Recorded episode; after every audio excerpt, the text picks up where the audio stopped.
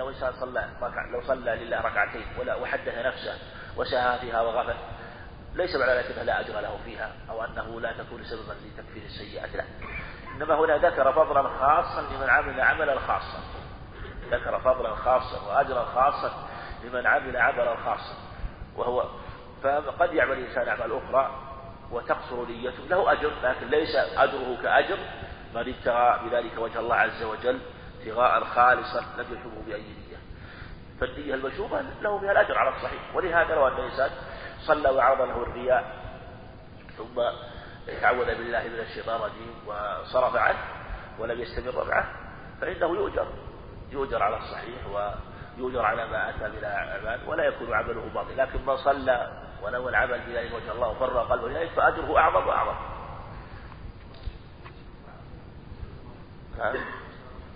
كذلك صلة الرحم.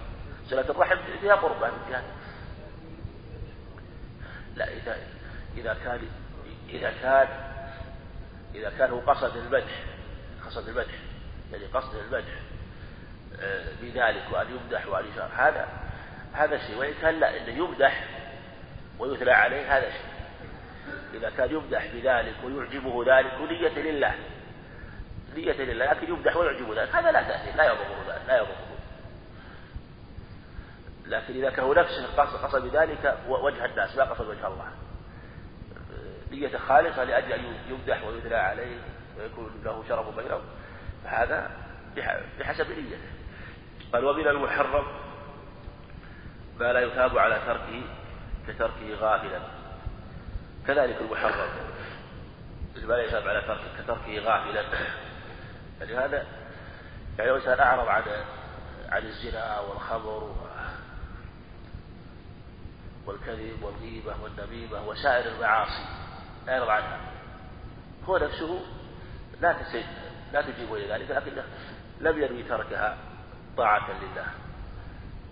فهذا يقول إذا أعرض غافلا عنها لا يؤجر وإذا أعرض ناويا بذلك وجه الله هذا فإنه يؤجر على ذلك لأنها تروك والتروك لا يشترط لها النية لكن هو لا يأثم يعني لا يشترط نية الاستلام لا يشترط الاستلام لكن الأجر يقول لا بد من نية الاجتناب في ذلك. والفرض لغة التقدير والتأثير هذا معناه يقال على التقدير والتأثير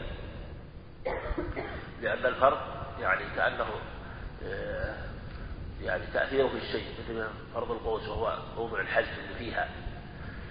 والإلزام والعطية والإنزال والإباحة كلها من آه، من آه، من أنواع مسميات الفرض وذكر في الشرح أمثلة لذلك وأدلة لذلك. فمن هذه وقال ويرادف الواجب شرعا ويرادف الواجب. يعني أن الفرض هو الواجب والواجب هو الفرض. هذا إشارة إلى خلاف الأحلام خلف الجمهور. يقولون الواجب شيء والفرض شيء. فالفرض أقوى من الواجب.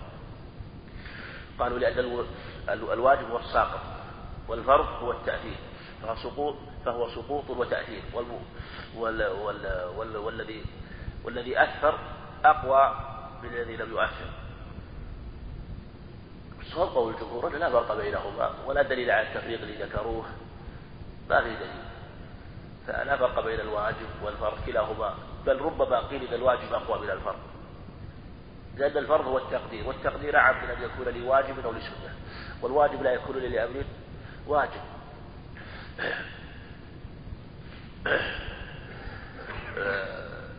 فلهذا الصواب هو قول الجمهور. لكن ما هنالك يعني ليس يعني لا شك ان أن العلماء أن العلماء متفقون على أن الواجب تختلف درجاته.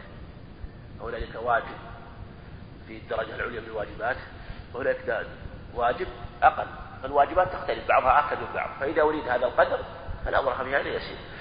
وثوابهما سواء يعني لا فرق بينهما من جهة الإطلاق لكن من جهة أنواع الإيجاب تختلف بعضها أعظم من بعض.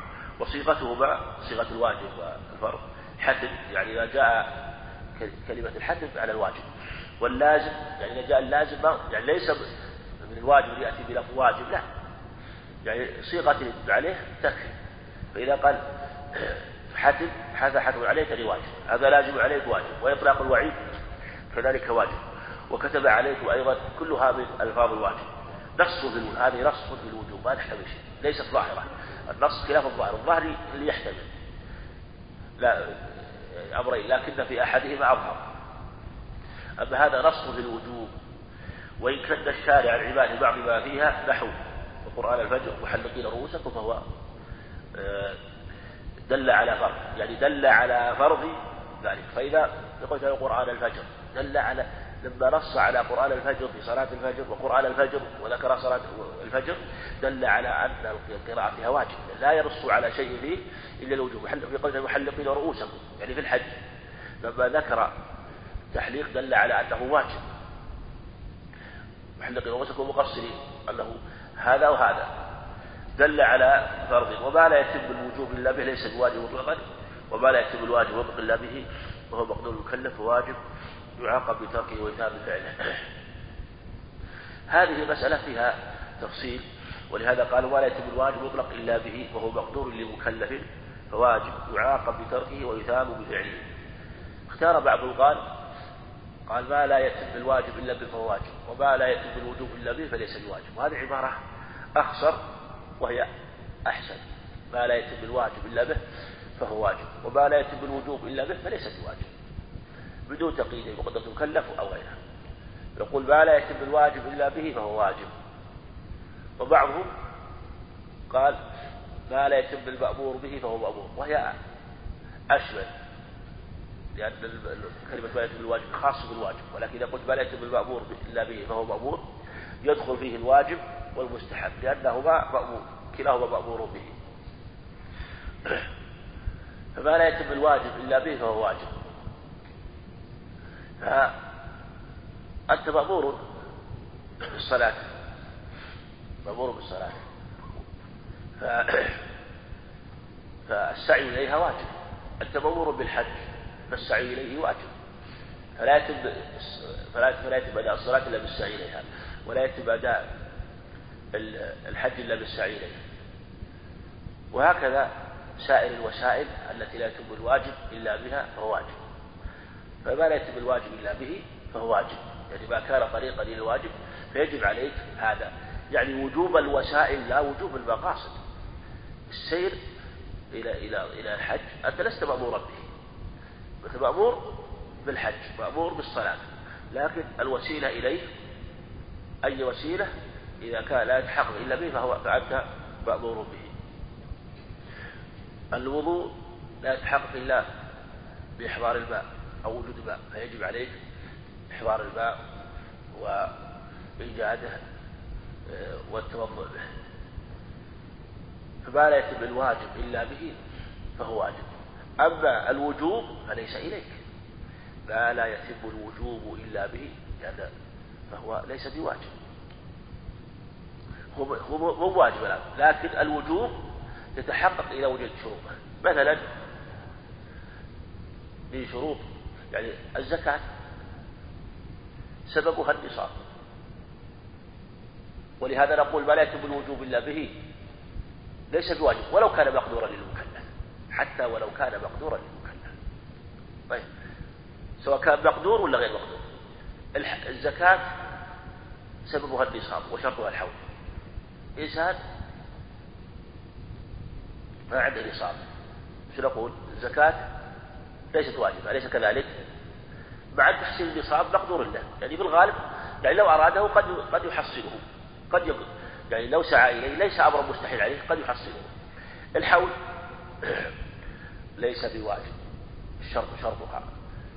فلو أن الإنسان عنده نصاب وشرط الحول. أمر الحول ليس إليك ولا فنقول ليس واجبا عليك. مثلا الجمعة لها شروط.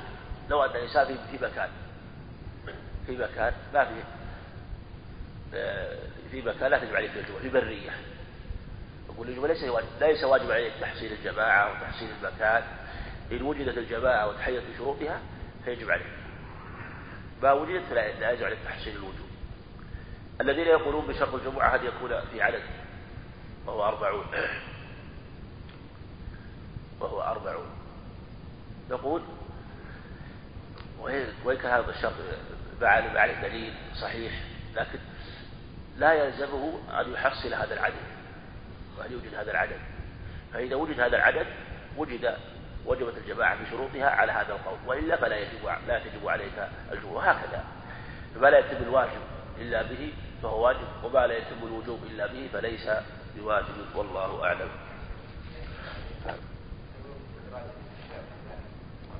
نعم إذا قلنا ما لا يتم المأمور إلا به.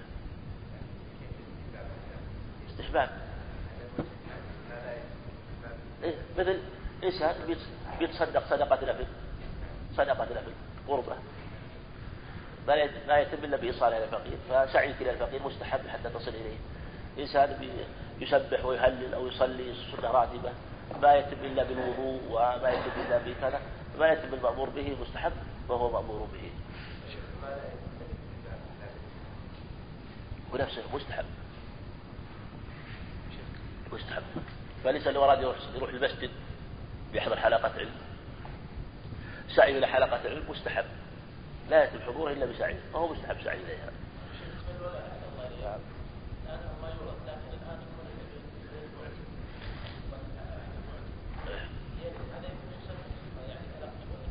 تلقاه من المعتق الأول.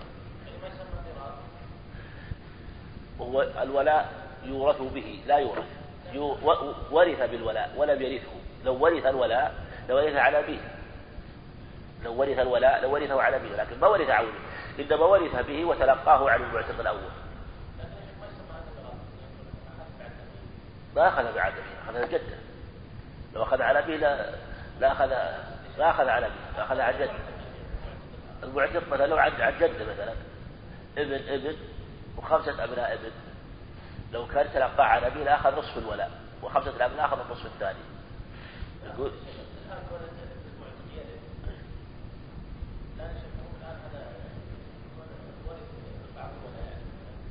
لا الولاء ما يورث. الولاء وذكروا الإجماع عليه. في اختلاف شاذ ذكروه قالوا إنه يورث لكن الصواب إنه ما يورث إنما يورث به. مثل ما قلت الولاء يورث لا لا يورث إنما يورث به. لو كان لو كان الولاء يورث لكان الإنسان المعتق إذا مات إذا مات مثلا انسان معتق معتق مات وله ابن أو ابن ابن. ثم مات قبل عتيقة. إذا مات قبل عتيقة الآن لو قلنا الولاء يورث نقول أنت أيها الابن ورثت الولاء. له ابنان نقول أنتم الآن ورثتم الولاء. ما له يعني موت موت المملوك ما عاد في الشغل خلاص.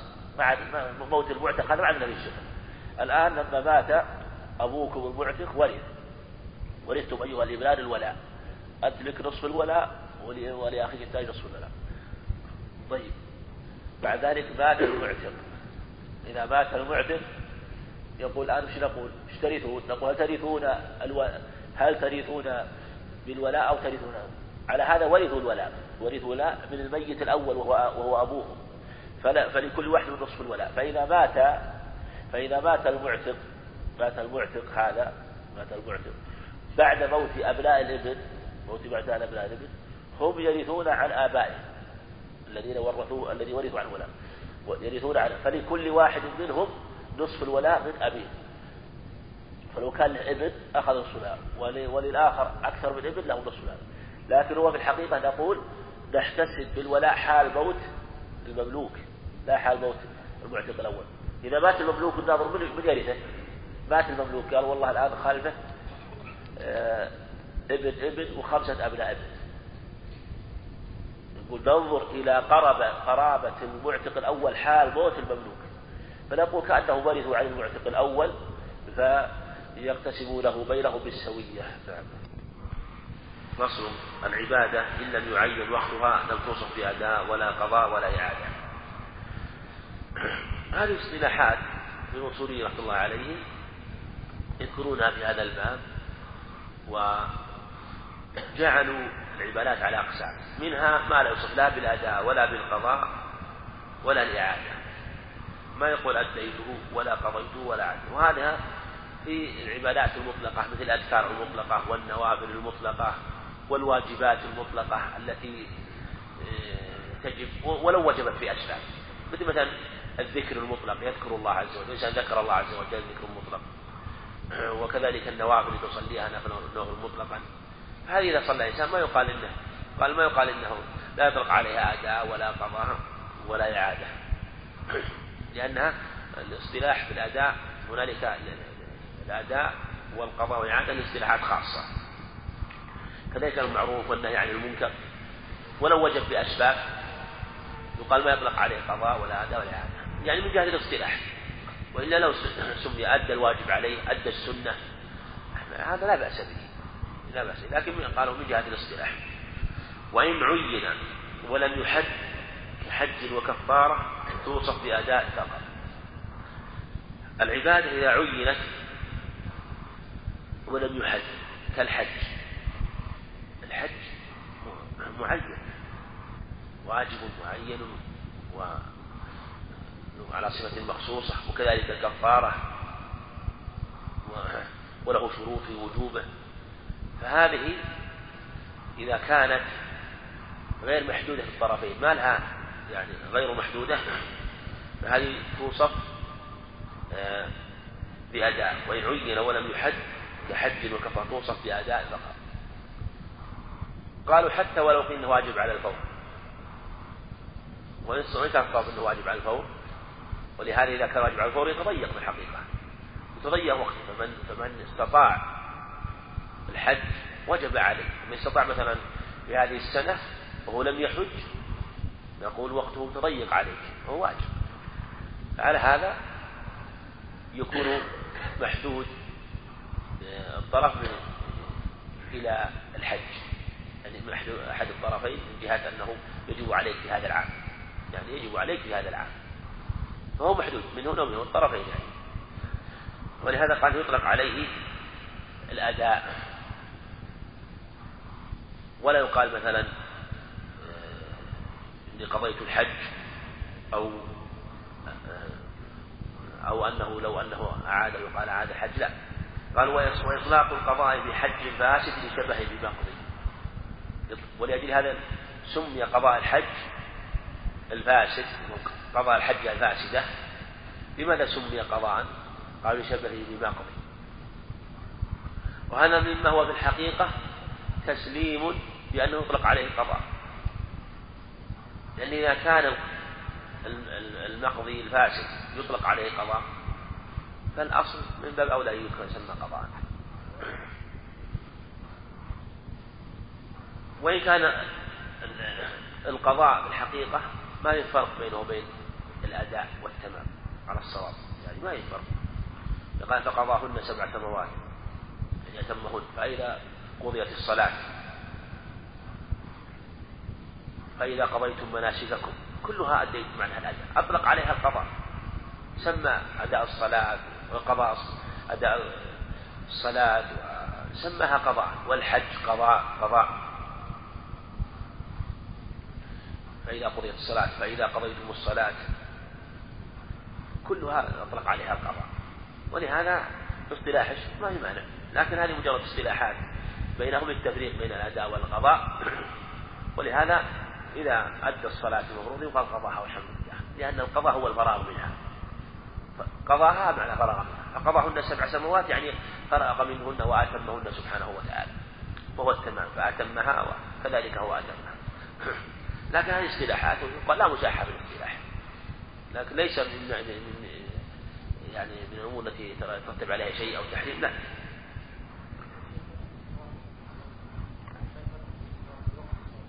هذا سيأتي الكلام بعد ذلك وسيأتي التفريق. وإطلاق القضاء بحج فاسد شبه المقضي. يقول إطلاق القضاء بحج فاسد بشبهه للمقضي لأن لأن المقضي يقولون لما تضيق وقته على أحد القولين أو لما شرع فيه لما شرع فيه تضيق وقته فوجب عليه. فإذا تضيق وقته وجب عليه فلهذا إطلاق القضاء على الحج الفاسد من إلحاق له بالحج المقبل إلحاق له بالحج المقبل من جهة أنه تضيق وهذا تفسير بأنه يطلق عليه قضاء. وفعل صلاة بعد تأخير قضائها لا يسمى قضاء القضاء لا يسمى قضاء قضاء. لو أن الإنسان صلى الصلاة المفروضة بعد وقتها بعد خروج الوقت.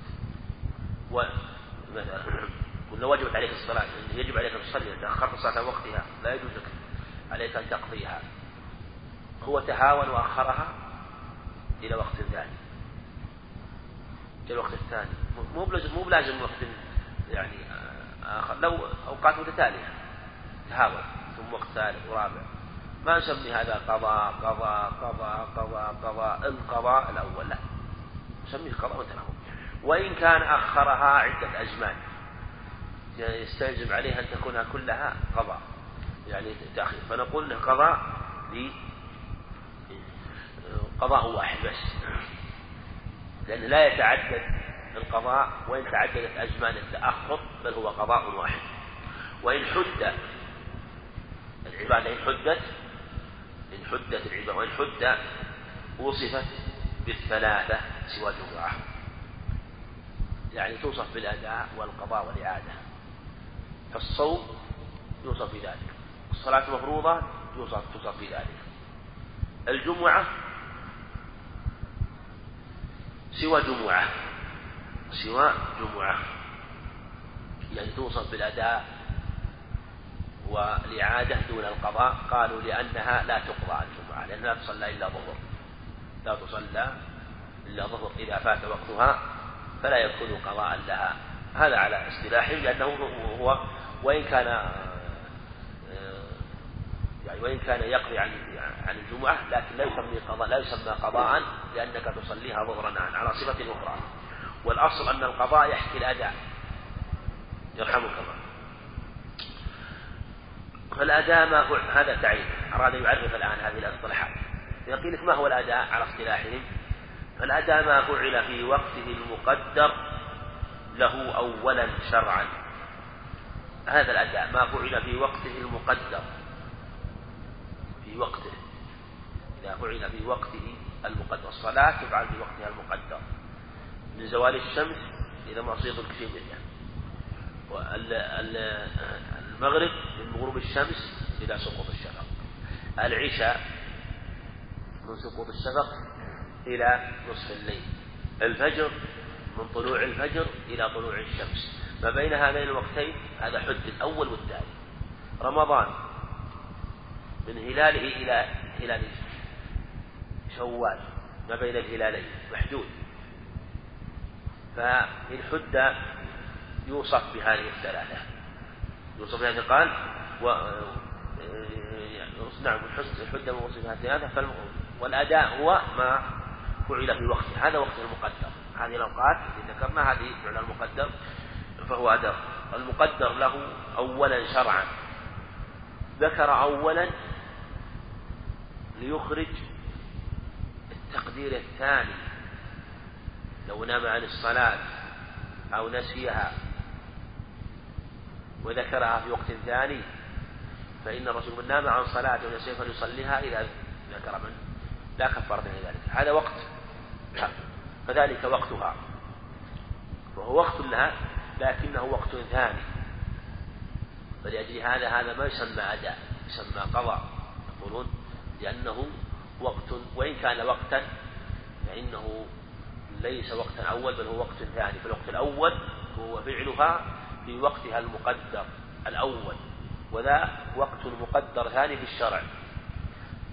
شرعا يخرج تقدير بغير الشرع تقدير بغير الشرع. وذكر أن ذلك لو أن الإنسان تضيق عليه الوقت بسبب الأسباب. تضيق عليه الوقت. مثل لو أن إنسان سوف يقام عليه حد القصاص. حد القصاص. والصلاة دخلت وحاضرة. والوقت لا زال موسع لكن سوف يقام. فقالوا يجب على فإنه في هذه الحال لا لا يجوز له أن يترك الصلاة بعد دخول وقتها تمكنه من الصلاة. ويجب عليه الصلاة في الحال. طيب وقت واسع يقول لا يتضيق عليك الوقت.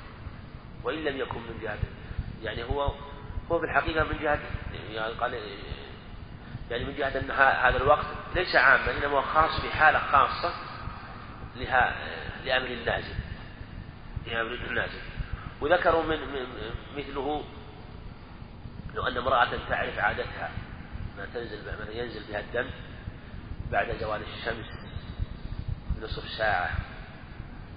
في وقت يمكنها أن تتوضأ وأن تصلي وتعمدت التأخير حتى ينزل بها الدم. حرام عليها إن كانت تعلم ذلك. تعلم ذلك. يجب عليها أن تبادر إلى الصلاة. تبادر إلى الصلاة إن كانت تعلم. أما إذا كان لا لا ليست تعلم ذلك.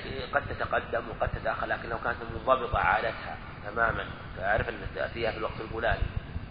فعليها أن تبادر حتى لا تكون مفرطة في الصلاة. فذكروا مثل هذه الأمثلة. و والقضاء ما فعل بعد وقت الأداء ولو لعذر تمكن منه كمسافر. أو لا لمانع شرعي بحيث يعني لعذر أو لا. لمانع شرعي بحيث أو عقلي كنوم لوجوبه عليه. هذا هو القضاء. القضاء يقولون ما فعل بعد وقت الأداء. ما فعل بعد وقت الأداء هو قضاء. الصلاة التي تقضى بعد خروج وقتها يسمى قضاء. سواء كان لعذر ولو لعذر تمكن منه كمسافر أو لا لمانع شرعي وكذلك إذا كان مانع شرعي مثل امرأة نزل بها الدم. نزل بها الدم. فإنها دخل عليه وقت الظهر. ثم دخل عليه وقت الظهر. ثم نزل بها الدم بعد دخول الوقت. يعني هل وجب عليها أن تقضي هذه الصلاة التي دخل وقتها؟ على خلاف كثير في في هذا. هل هو مثلا مجرد ولو تدرك لحظة مقدار تكبيرة الإحرام أو لابد أن تدرك مقدار ركعة أو لابد أن تدرك ما يمكن أن تتطهر به. على خلاف كثير مثل هذا لكن المقصود التمثيل لأنه إذا في هذه الحال قد يلزمها أن تقضي أو عقلي كنوم نام عن الصلاة حتى خرج الوقت يسمى آه، قضاء يسمى قضاء وذكروا حديث عائشة كنا نؤمر بقضاء الصوم ونؤمر بقضاء سمته قضاء. سمته قضاء. وبعضهم خالف. خالف في مثل هذا. وعائشة رضي الله عنها لم ترد بالقضاء القضاء الاصطلاحي ولم ترد هذا. إنما تكلمت باللغة. ولهذا اللغة القضاء تطلق على أداء الشيء. يطلق على أداء الشيء. من أداه يسمى قاضيا ولم ترد القضاء الاصطلاحي من جهة أنها أدته خارج الوقت ما أراد هذا رضي الله عنه. وعبادة صغير لا تسمى قضاء ولا أداء. من جهة غير مكلف تسمى عبادة. وبعضهم نازع في مثل هذا تسميتها الأداء. وكل هذا على اصطلاح من جهة أنه غير مكلف وغير مأمور بهذا. فلهذا لا تسمى. والإعادة ما فعل في وقت مقدر ثانيا مطلقا. هذه الإعادة. ما فعل في وقته المقدر ثانيا مطلقا. إذا أعيدت الص... إذا أعيدت العبادة العبادة إن كانت لخلل في الأولى فهذه إعادة. بسبب مثلا الإنسان أخل في صلاته وترك منها يعني ما يخل بها ثم أعادها. فإن كان الخلل في ركن من أركانها أو شرط من شروطها فإنه يعيدها في الوقت يعيدها في الوقت. قوله مطلقا يدخل لو كان الإعادة بغير خلل.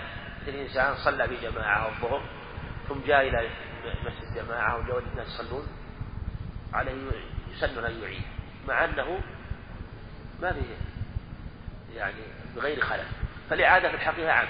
بعضهم يقول إنه الإعادة لا تكون إلا لخلل الصواب أنها تكون لخلل ولغير خلل. الإعادة عام. وهي ابتداء الشيء. كما قال كما بدأنا أول خلق نعيده وهي عادة بعد ابتداء بدون ذكر خلل. يعني بدون خلل بهذا فالإعادة عام قد تكون لخلل وقد تكون لغير ذلك. والإعادة تكون في الوقت تكون في الوقت. فإذا أعادها في الوقت تكون إعادة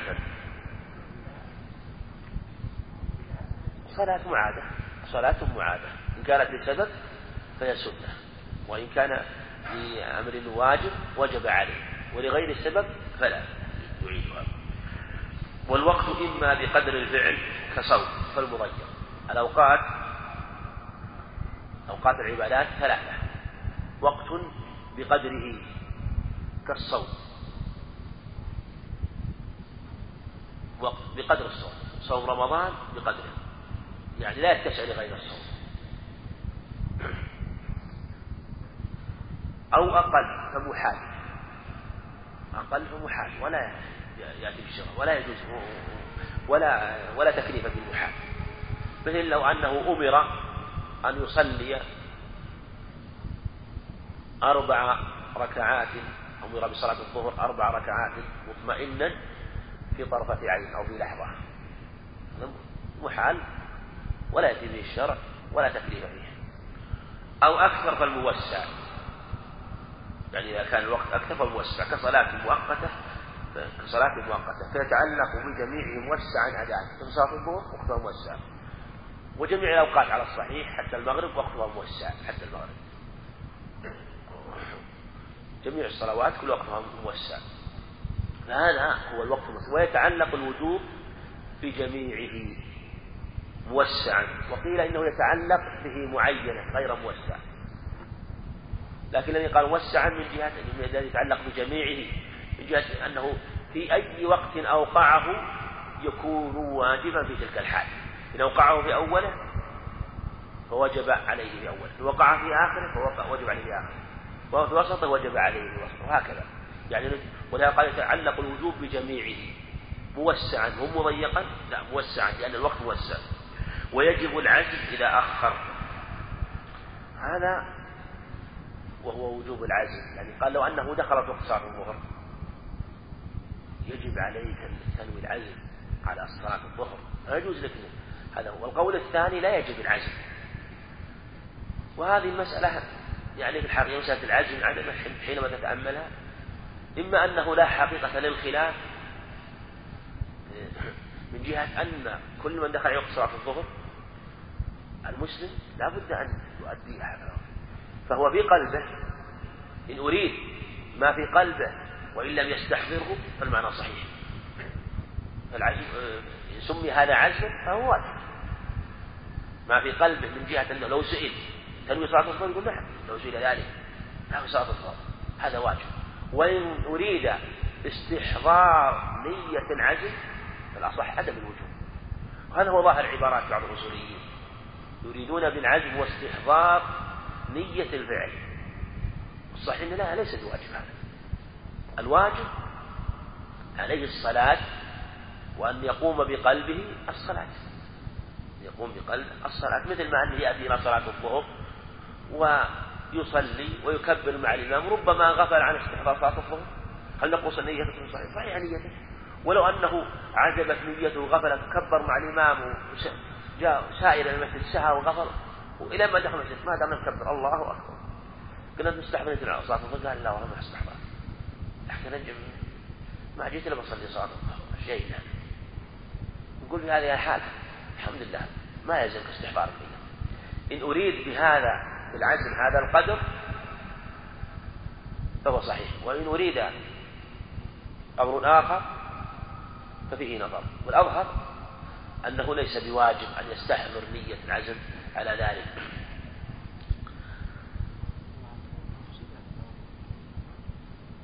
نعم.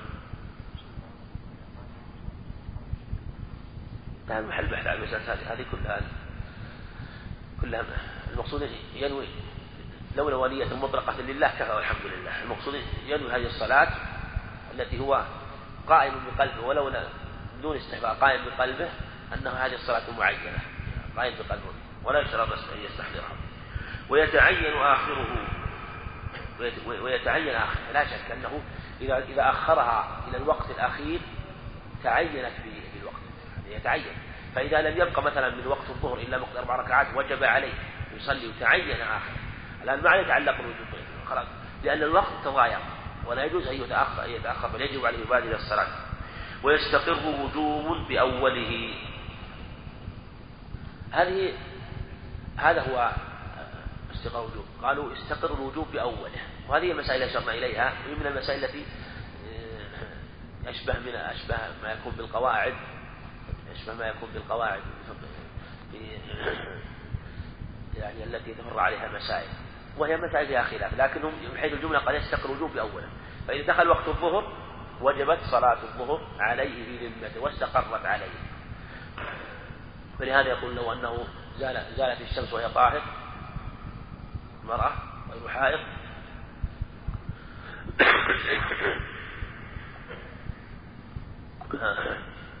وجبت عليه صلاة الظهر لأن استقرت وذكر أمثلة كثيرة ومن أخر مع ظن مانع. كعدم البقاء. أهي يعني من أخر مع ظن مانع كعدم البقاء أهل لو أنه أخر الصلاة صلاة الظهر ويعلم أو يغلب على ظنه أن سوف لا يبقى أن سوف يقتل مثلا. يقتص منه أو علم أو المرأة مثلا تعلم أنها تحيض في هذا الوقت. أخرتها عمدا. أذن بهذه النية. يأثم من أخر ثم إن بقي لو فرض أن ظن الذي ظنه لم يحصل له. تبين خلاف ما ظن. ثم إن بقي فعل بوقتها بعدها. فلو أن هذا اللي ظن أنه يختص منه والمرأة التي ظنت أنها لحفاظ الوقت تأخرت آه، لم ينزل معها الدم وكذلك ذلك الرجل لم يقتص منه ذهب ذلك الوقت عن ذلك الوقت الذي ضيق عليه. تبين له خطأه خطأ ظنه مثلا. ثم صلى. هو آثم لكن صلاة هل تكون أداء أو قضاء من جهة التي تضيق عليه ثم بعد ذلك تبين له الساعة وقت في حقه فهل يقال انه قضاء؟ لأنه تضيق عليه أو يقال انه أداء. يقول لا إنه أداء. لأنه من القواعد عندهم لا عبرة بالظن البين خطأ. القواعد الفقهية لا عبرة بالظن البين خطأ. يعني يبين يبين خطأ لا عبرة به. ومن له تأخير تسقط موته ولم يعصي كذلك من له تأخير تسقط موته ولم يعصي لو أن الإنسان دخل على صلاة الظهر الوقت موسع. ما يجب عليه يصلي في أول وقت ولا وسط الوقت. لو صلى في آخر الوقت ما دام الوقت موسع إلا في الوقت اللي يكون يكون محرم مثل آخر صلاة العصر عند اصفرار الشمس وإن كان وقت لكنه محرم. لكن ما دام الوقت يجوز أن يؤخر هذا الوقت فهو أخره إلى آخر الوقت. ثم مات وهو ما بعد صلى لكن يوم الآخر ما تضايق على الوقت. يموت آدم ولا غير آدم؟ يقول يموت غير آدم ولم يعصي. لأنه أخره إلى وقت لو أن يؤخره فلا يكون عاصيا. بتأخير الصلاة. والله أعلم. وعلى قوله متى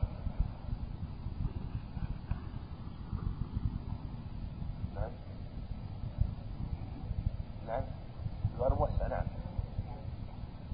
إلى مغيب الشفق على خلاف العام فيه فيهم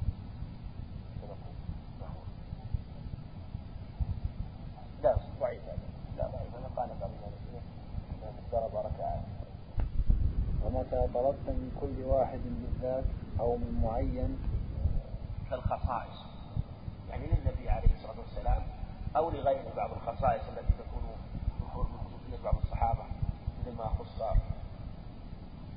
أبو حذيفة في الشهادة ومثل ما خص أبو بردة بن زيار بأن يضحي بالعناق فالعبادة إذا خصت في إنسان فمع الجزم فرض إذا كان جزم هذا واضح مثل ما سبق لنا أن المجزوم به فرض عين فرض فرض عين وبدونه سنة عين بدونه سنة عين إذا كان آه، يعني غير مطلوب على سبيل الجزم لأن الفروض في الأعيان والسنن في الأعيان أيضا السنن في الأعيان ففروض الأعيان مثل الصلوات الواجبة هذه فرض عين على كل إنسان فرض عين على كل إنسان. الصوم الصوم الزكاة بشرطها. هذه فروض أعيان السنن مثل سائر السنن تطلب على جهة العموم مثل سنة الصلاة سنن الرواتب سنة الضحى. في الصوم مثلا صيام الأيام النافلة سنة سنة سنة عين. يعني تطلب من كل كل إنسان. هذه من سنن الأعيان وتلك فرائض الأعيان. فمع الجزم فرض عين ومع عدم الجزم فهو سنة عين. وإن طلب الفعل فقط. يعني إذا كان المقصود الفعل ليس المقصود الفاعل. يعني المقصود هو تحصيل الفعل بس. لكن تلك الأولى طلبت بالذات من معين معين. سواء كان جزما أو بغير جزم. يعني طلب الفعل من مخاطب بإنسان معين مخاطب من إنسان جنس الإنسان. لكن إذا كان المطلوب هو الفعل لا بالنظر إلى الذات. ليس المقصود هو ذات الإنسان إنما المقصود هو تحصيل الفعل. فقط. فمع جزم فرض كفاية وبدونه سنة عين. نعم. فمع جزم فرض كفاية وبدونه سنة كفاية إذا كان المقصود هو تحصيل الفعل بس ليس المقصود الذات. هذه هي فروض الكفايات وهي كثيرة وهي تكون في الأمور الدينية وفي الأمور الدنيوية. ففي الأمور الدينية مثل القيام على الجنازة بتغسيلها وتكفينها.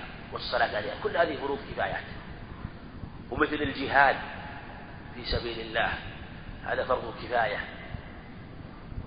وفي أمور الدنيوية مثل تحصيل الصنائع والحرف والصناعات وما يتعلق بذلك من الأمور التي يحتاج إليها المسلمون في أمورهم.